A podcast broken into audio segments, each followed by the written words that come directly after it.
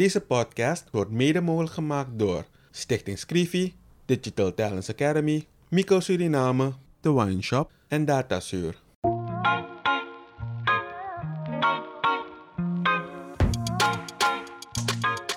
In een ontspannen sfeer praten journalist Kevin Hadley en challenger Vincent Kenswell met verschillende personen over de uitdagingen en de kansen van hun werkgebied. Samen proberen ze door oplossingsmodellen te bespreken positieve ontwikkelingen op gang te brengen.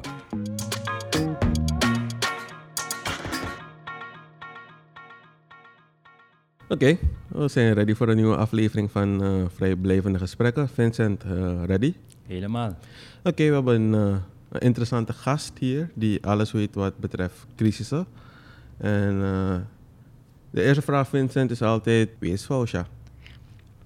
Avontuurlijk persoon, tien maanden in Suriname, um, geboren in Suriname. En toen ik drie was, zijn we naar Nederland verhuisd. Inmiddels ben ik 37 en weer terug hier in, uh, in het mooie land. Mooi. En uh, toch voor de duidelijkheid, familienaam en uh, toch iets meer hobby's. uh. Fausia Mohamed Raja. hobby's. ja, het klinkt cliché, maar mijn werk is echt mijn hobby. Ik hou van echt de dingen die ik doe. Het onderzoek doen naar, naar business. Um, weet je hoe de wereld verandert, hoe kunnen we daarop inspelen ik vind het heel erg leuk om te kijken naar, naar menselijk gedrag ook. Um, waarom doen mensen de dingen die ze doen? Weet je, waarom is de een succesvol, de ander niet? Weet je, wat triggert mensen? Hoe kan je eigenlijk zorgen dat je elke dag een beetje beter wordt? En ik doe daar heel veel onderzoek naar. Ik ben echt wel een boekennerd. Ik hou van lezen en daarover ook met andere mensen over praten. Van hey, weet je, waarom doe jij de dingen die je doet? Wat drijft je als persoon, wat niet? Wat heb je gestudeerd? Ik heb bedrijfskunde gestudeerd, management, economie, recht. En uh, ja, daar heel veel geleerd met theorie. Maar eigenlijk het meeste heb ik geleerd toen ik op een gegeven moment ben gaan werken. Want dan zie je pas eigenlijk de toepassing. En dan snap je veel dingen ook veel beter. En ik heb zelfs ooit geroepen van ik vind dat eigenlijk iedereen eerst zou moeten werken en dan pas studeren. Omdat je kan kijken van wat voor kwaliteiten heb je. En daar moet je op inhaken in plaats van dat je iets gaat leren en daarna gaat kijken of het werk erbij past. Dat is heel interessant. Dat uh, hoor ik nu. Dus je wil eerst gaan werken en dan ga je studeren, maar je moet toch een basis hebben. Ja, alleen ik denk wel dat, dat jongeren eigenlijk gestimuleerd moeten worden en eerst dat stukje werkervaring moeten opdoen. Want kijk, jullie hebben ook gestudeerd, je gaat naar school, je leest iets, maar je hebt eigenlijk geen kader. Je weet eigenlijk niet van hey, hoe moet het toegepast uh, worden. Eigenlijk pas nu, nou ja, in deze fase van mijn carrière, kan ik sommige dingen begrijpen die ik in mijn studie heb geleerd. Um, terwijl ik eigenlijk nou, misschien eerst had willen werken, had willen kijken van hé, hey, dit past bij me, dat past niet bij me. Ik ben bijvoorbeeld geen micromanager, dus mij moet je niet vermoeien met details. Maar daar ben ik pas achter gekomen toen ik eenmaal uh, aan het werken was. En dat, ja, tijdens mijn hele studie is dat niet naar boven gekomen.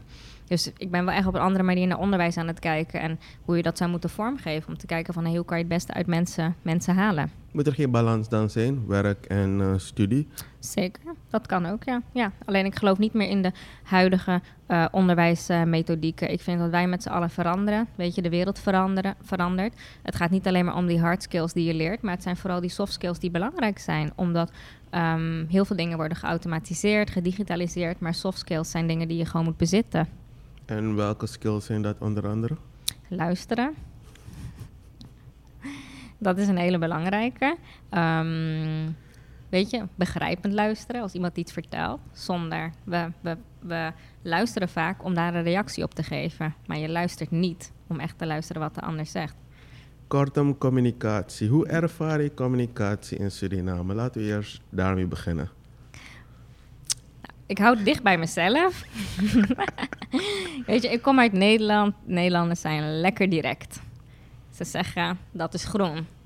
Hier in Suriname, nee, het is paars, blauw, geel, rood. En dan uiteindelijk is het die kleur. Um, dus daar merk ik echt wel, zeker wel dat ik daarin anders ben. Weet je, je zegt heel direct dingen. Je bent heel, je benadering ook heel direct, business-wise.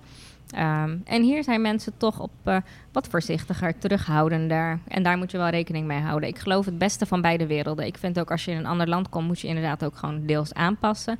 Maar je mag ook wel je eigen persoonlijkheid ook meenemen. Ik denk dat je elkaar daardoor juist kan stimuleren. Um, maar ik, ben wel van mening dat mensen hier wel meer wat mogen samenwerken. In plaats van dat ze bang zijn van hé, hey, het is landje pik of broodroof. Of weet je, je gaat kijken bij mij wat, hoe ik het doe en dat nadoen. Dan denk ik van nee, iedereen heeft zijn eigen manier. Luisteren we goed naar elkaar hier? Ik denk dat bepaalde groepen mensen goed naar elkaar luisteren. Maar ik denk dat ook een hoop mensen niet luisteren. Even een, uh, het is heel interessant, omdat je hebt ook in Nederland gewerkt, Mhm. toch? En ehm, hoe lang heb je daar gewerkt? Vanaf mijn zestiende. Vanaf je 16 ja, dus echt en al twintig jaar. 20 Ja. jaar gewerkt. En ehm, daar is inderdaad, je werkt eigenlijk met, met gelijkgestemden, toch? Mhm. je, je kan daar direct ehm, praten. En natuurlijk zijn daar dan ook andere resultaten. Absoluut. Nu werk je tien maanden in Suriname en je constateert inderdaad co- communicatie. Je, noemt ze net ook, eh, we kunnen beter samenwerken, dus ik neem aan dat je dat ook hebt ervaren. Ehm, ga een beetje dieper daarop in. Ehm, wat zie jij voor eh, ons, die hier zijn, ook business, dat we, waar we direct een winst zouden kunnen halen om te kunnen samenwerken? Ja, ik denk afstappen van het hiërarchische hier. Ik moest heel erg wennen in het begin met mevrouw Fauzia. Dan denk ik van, oké, maar wacht even. Zeg gewoon Fauzia, weet je. Ehm, ik denk het hiërarchisch hier in bedrijven... dat zou denk ik wat meer naar elkaar toe mogen groeien.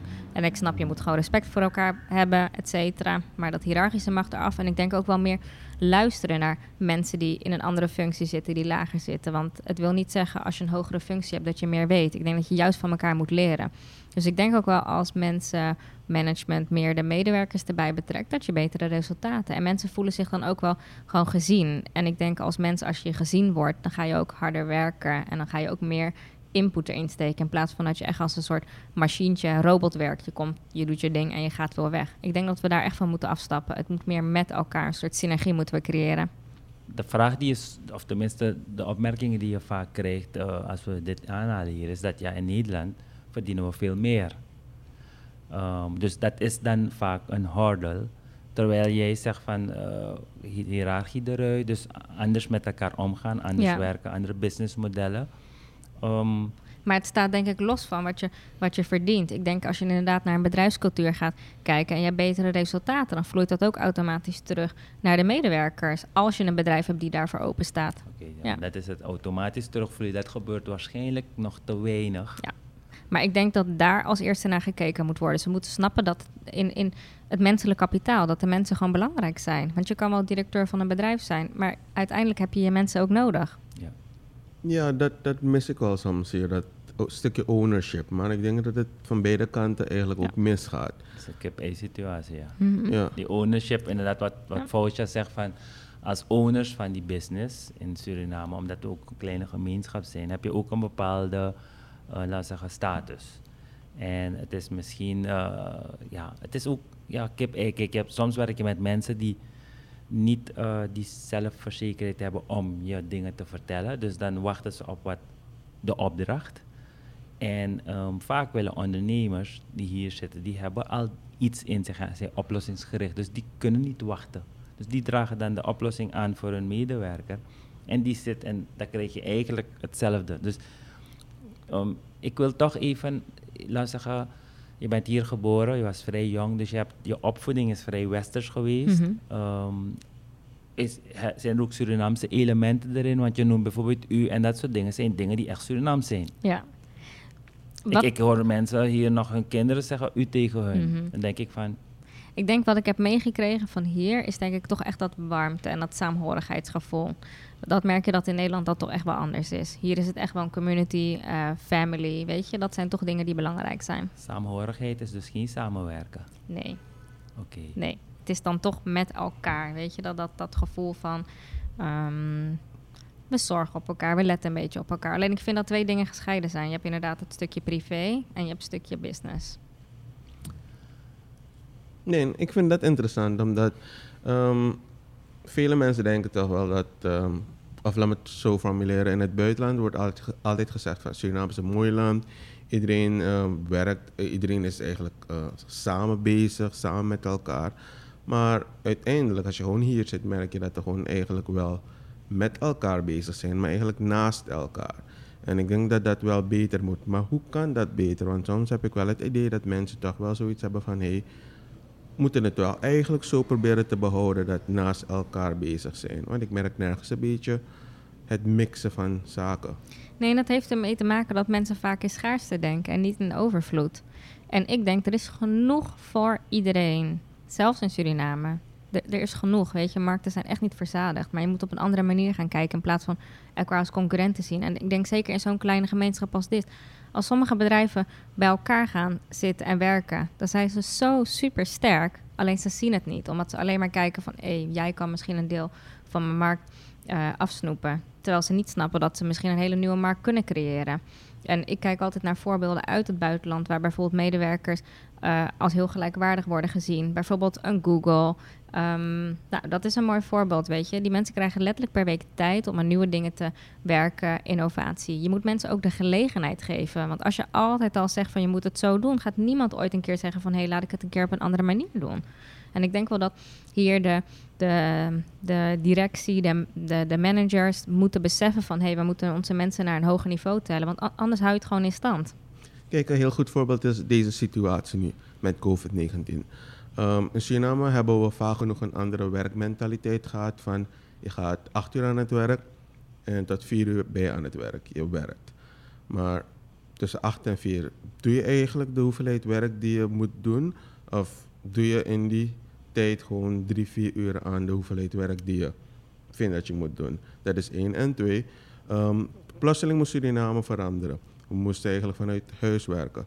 Voor een heleboel mensen een challenge. Want behalve dat je bijvoorbeeld niet gewend bent om je eigen schema te maken en je daaraan te houden, is het toch wel een andere discipline opbrengen.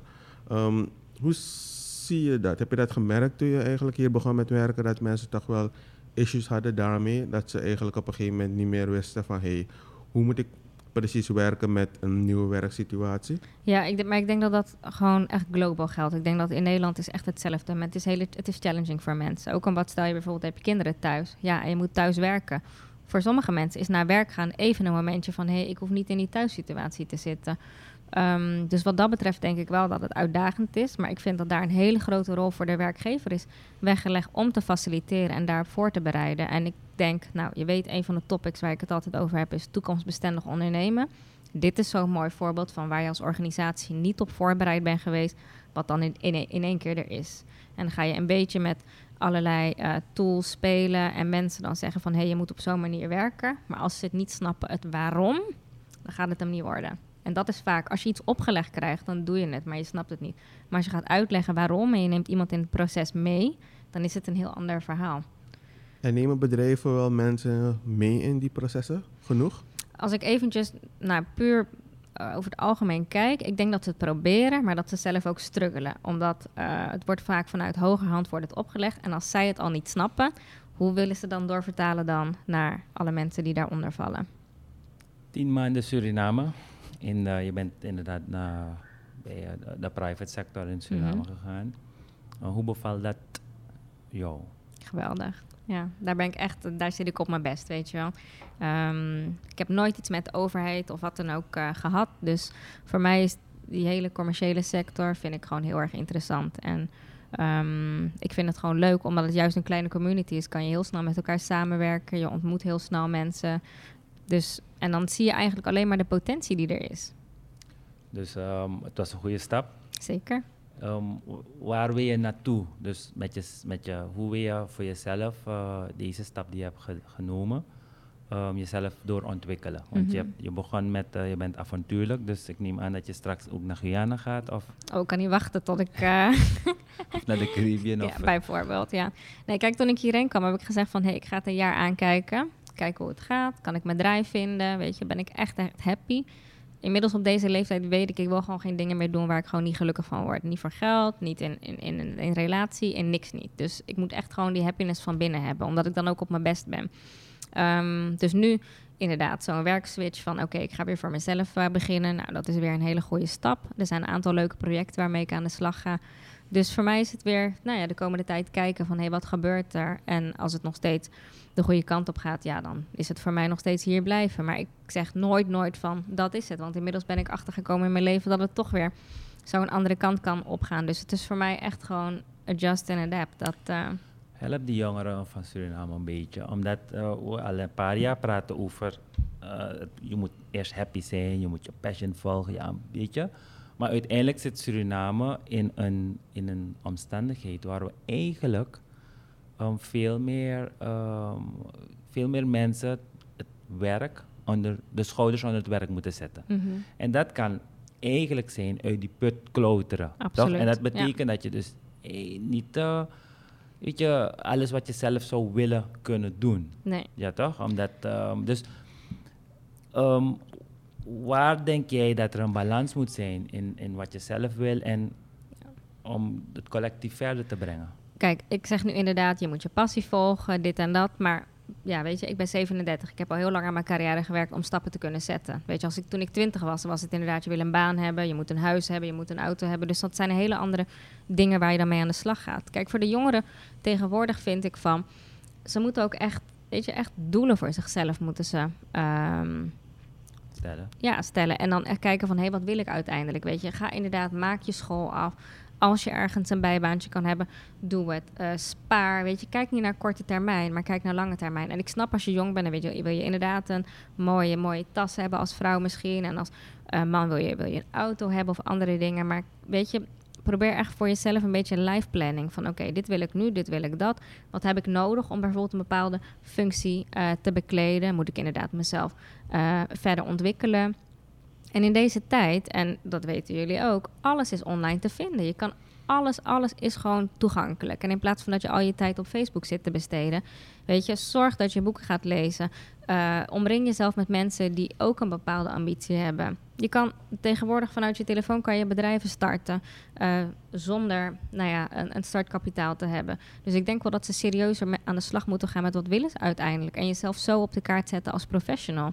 En daarin ben ik wel kritisch en, en ook wel hard. Dat ik denk van, je hebt het zelf in hand. Dus je kan wel zeggen, er zijn externe factoren. En absoluut ben ik het daarmee eens.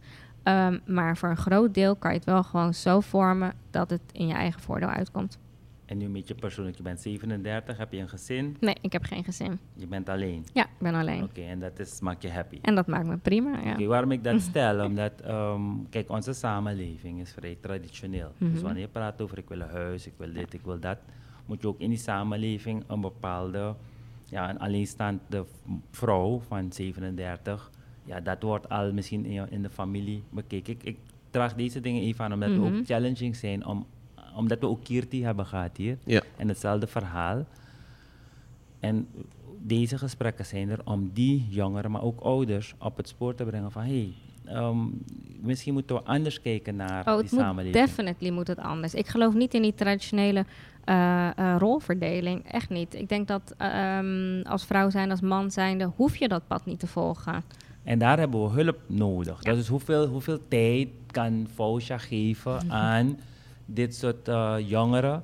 Weet je, kunnen we ze oproepen en zeggen van luister, volg haar. En, ik uh, probeer op mijn eigen manier mensen echt gewoon te prikkelen. Um, weet je, Kevin, je volgt me, je weet wat ik allemaal publiceer. Weet je, met kleine dingen toch mensen aan het denken te zetten. Maar ik zeg ook altijd van, kies, kies waar, waar je inderdaad happy van wordt. Als jij inderdaad een gezin wil, go for it. Doe je ding, weet je. Het is niet vast dat je dit en dit moet doen. Alleen, je moet niet doen wat de maatschappij je opdraagt. Maar dat is moeilijk in Suriname. Ja, maar daar zit dus het stukje van je eigen daadkracht en je veerkracht laten zien, ja. Hoe moeilijk hoe het ook is. Dat, hoe heb jij dat kunnen bewerkstelligen? Wat was voor jou, even terugdenkend, voor jou het, het moment dat je zegt, daardoor ben je op dat pad gekomen? Nou, ik kom uit een heel traditioneel gezin. Uh, met een, een, vader die werkt, een moeder die inderdaad voor de kinderen. En ik dacht van ja, is dat wel wat ik zelf wel wil? En voor mij was heel belangrijk van ik wil uh, zelfstandig zijn en onafhankelijk. En voor mij is een, een man moet echt een plus in mijn leven zijn. Het moet echt iets toevoegen. En ik moet er echt gewoon geen hoofdpijn van hebben. En het klinkt een beetje hard.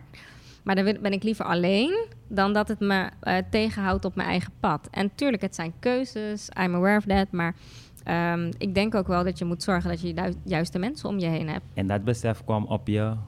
Ik denk al vrij jong wel. Ik denk wel zo vanaf mijn 25ste wel, ja. Okay. Hoe, kwam ja. het, hoe kwam het eigenlijk, dat besef? Nou, als je dan een paar keer misschien in een relatie hebt gezeten... dat je denkt van ja, maar sorry, dit houdt me alleen maar tegen... of dit is niet het pad wat ik op wil gaan... dan is het hard. Dan is het, dan is het echt gewoon keuzes maken. Nee, het is Ja. mooi. Weet je waarom ik zo hierop inga? Omdat ehm, ik, ik ben een stukje ouder natuurlijk en gewoon hier in Suriname opgevoed. En ehm, ik heb ook een zus die nu terug is en ook jaren in Nederland heeft gewerkt. En eigenlijk dezelfde gedachte heeft. En dan check ik even hier met een groep. eh, wij, ik focus me nu echt op de groep tussen 18 en 23 jaar. Omdat je daar een bepaalde omslag kan maken. En eh, we, we worden wel in die traditie gehouden. Absoluut. Dus er moeten prikkels komen. Ja. En ehm, het kunnen prikkels zijn zoals jij dat bent van buiten. eh, of echt ons eigen bloed dat anders is en anders denkt. Maar daar is er steun voor nodig. Mhm. Ondersteuning, snap Ja, je? ja. Want anders kan het ook zo zijn dat je, dat je de, de, de, de, de uitzondering bent. Terwijl we, wij, ook het bedrijfsleven hier, we hebben dit gewoon hard nodig. Mhm. Toch? Dus ehm, ja, wij moeten gaan kijken van hoe kunnen we dit ondersteunen of duidelijker in beeld brengen. Met daar tegenover een goed verhaal. Want En het zijn rolmodellen. Je hebt Ja. daar mensen voor nodig die een verhaal vertellen en laten zien van hé, hey, zo heb ik het gedaan. En inderdaad, het is niet erg om af te wijken van het pad. Want Nee. uiteindelijk komt het wel goed als je inderdaad gefocust blijft en Ja. voor jezelf kiest. En ik ben hier heel veel mensen tegengekomen, mannen en vrouwen, die zeiden ja, als ik het over mag doen, dan had ik geen kinderen ehm, ja, gekregen. Of nou, in ieder geval, anders jullie gedaan. snappen me. Een beetje anders gedaan. Ja, en dan denk ik van, dat zet me dan toch aan het denken. Denk van, ja, je hebt nu een bepaald leven en daar ben je niet helemaal happy mee. En ik zei een keer tegen iemand van, ja, je hebt een soort zelfgecreëerde gevangenis. En toen zei hij van, ja, zo voelt het ook, ja. Hm. Je zegt iets moois, happiness. Um, wat, wat versta je onder happiness? Happiness, dat is echt, ja, dat is echt zo corny. Maar echt een beetje dat gevoel van binnen. Als je 's ochtends wakker wordt en je kijkt naar wat je hebt. En dan niet in materiële zin, maar dat je gewoon senang bent met wie je bent en waar je voor staat in het leven. En ik heb gewoon geleerd om happy te zijn al- alleen, weet je. Dus altijd op jezelf te kunnen terugvallen. Dus alles, al- iedereen die daar voorbij komt of alle mensen die je leert kennen, dat is alleen maar een bonus. Maar als je afhankelijk bent van mensen in wat voor opzicht dan ook, of dat nou je ouders is of eh, een, een partner of vriend of wat dan ook, dan zal je altijd een soort eenzaamheid ervaren. Geloof je nog in God? Absoluut. Nee, waarom ik het ook vraag? Omdat ik, ehm, ik heb vaak deze gesprekken gevoerd met vrienden. En in het begin, toen we deze gesprekken voerden, en in het, in het begin bedoel ik ook met iets van 20 jaar geleden of zo, was voor ons echt happiness iets, het streven naar dat stukje van een goede baan, een auto, een huis, een vrouw om in dat huis te zetten, die zaken. En nu, als we over happiness praten, weten we dat ehm, we een slechte dag kunnen hebben. Ja. Weten we dat we ehm, tegenslagen kunnen krijgen. Maar voor ons is happiness is bezig houden met de zaken waarvan we houden. Mhm. Ik bedoel, niet elke dag ga je succes boeken met je studie, met je werk. Niet elke dag ga je blij zijn met, ehm, ja, laat me het zo goed mogelijk formuleren. Gewoon met het je, leven, Ja, met het leven, ja. precies. Ja. Maar mensen moeten wel snappen dat happiness eigenlijk het gevoel is wat je krijgt als je gewoon bezig bent met de zaken waarvan je houdt. En ik denk dat veel, ik denk dat veel mensen dat een beetje eh, verkeerd interpreteren. Mhm. Omdat ze vaak genoeg Het happiness... is materiële zin vaak. Ja, Ja, ja, ja. Precies. Mensen, dat is hem. mensen vatten het samen als ik moet iets hebben. Ja. Ja. Dan ben ik pas blij. Hoe kunnen we die mindset veranderen? Mensen duidelijk maken van dat het eigenlijk dat gevoel is dat je krijgt. Bijna kan je zeggen een soort voldoening wanneer je met leuke dingen bezig bent. En leuke dingen hoeven niet Mhm. altijd te zijn je werk, maar ook gewoon met je partner lekker erop uitgaan. Lekker misschien je eentje gewoon de auto pakken en gewoon ergens naartoe rijden. Hoe kunnen mensen dit duidelijk maken? Het, het heeft me ook lang geduurd voordat ik op deze plek was. Maar het enige hoe je daarachter komt is echt een stukje soul searching bij jezelf. Weet je, Wat, waar word je echt happy van als je alles weg, ehm, weghaalt? Je kan al mijn spullen nu letterlijk in twee koffers zetten. En dat is wat ik hier heb.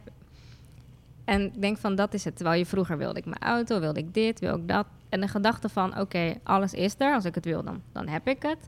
Ehm, dat geeft ook een stukje rust. Maar ik denk mensen nu, omdat ze misschien iets niet hebben, dan streven ze ernaar. En dan hebben ze het dus. En dan, oké, wat is dus het volgende dan weer? En het is Precies. constant dat. Ja. Maar ik denk als je daarvan weggaat en inderdaad gaat kijken van... hé, hey, wat heb je echt een beetje binnenin nodig? Dan heb je echt letterlijk gewoon niks meer nodig. Ja, dat is het. Maar dat is echt een stukje spiritualiteit... en eh, waar mensen nog te weinig mee bezig zijn. Maar ik denk Vincent, dat- ja. ben je happy? Ja. en ik zou zelfs mijn leven niet opnieuw willen. Tenminste, als ik terug ga, doe ik niets anders. Ehm, ik heb gewoon, denk ik, eh, steeds als je nadenkt, een heel ideaal leven gehad. Mijn opvoeding, alles, mijn omgeving, mijn vrienden, alles.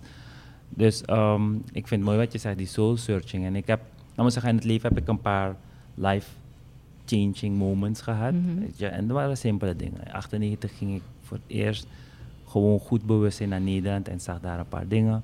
2004 ben ik naar India gaan voor zes weken, zag ik een paar dingen. Toen in Brazilië dus. En natuurlijk lokaal. Dus nu ga ik heel veel naar corona, zie ik ook een paar dingen.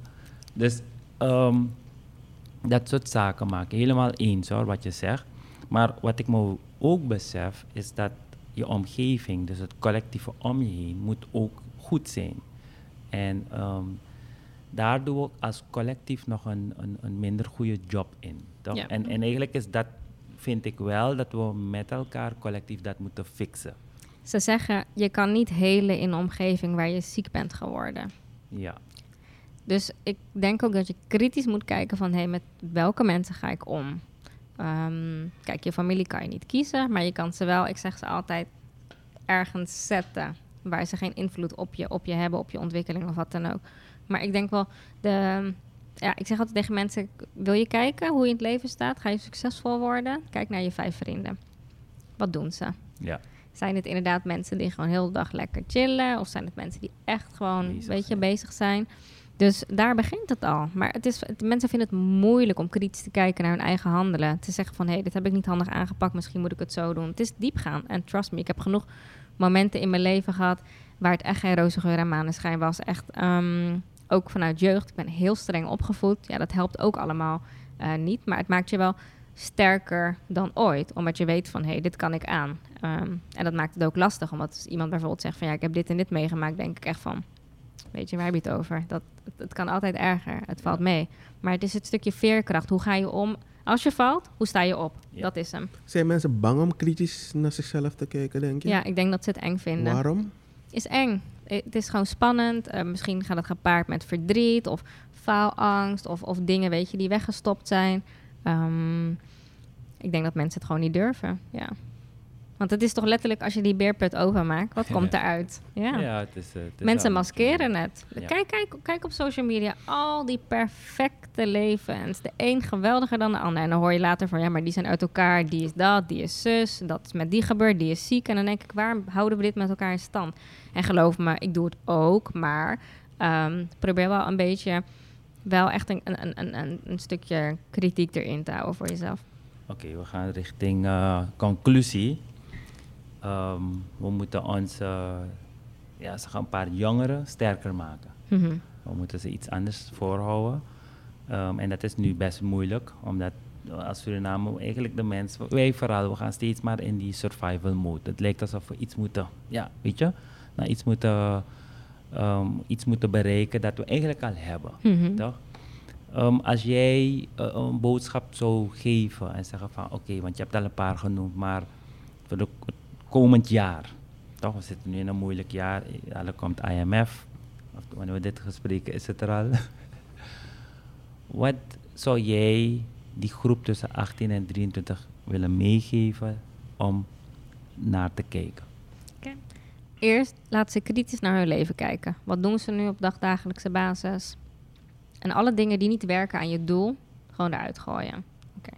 Wat kan je doen aan je persoonlijke ontwikkeling, studie, dingen?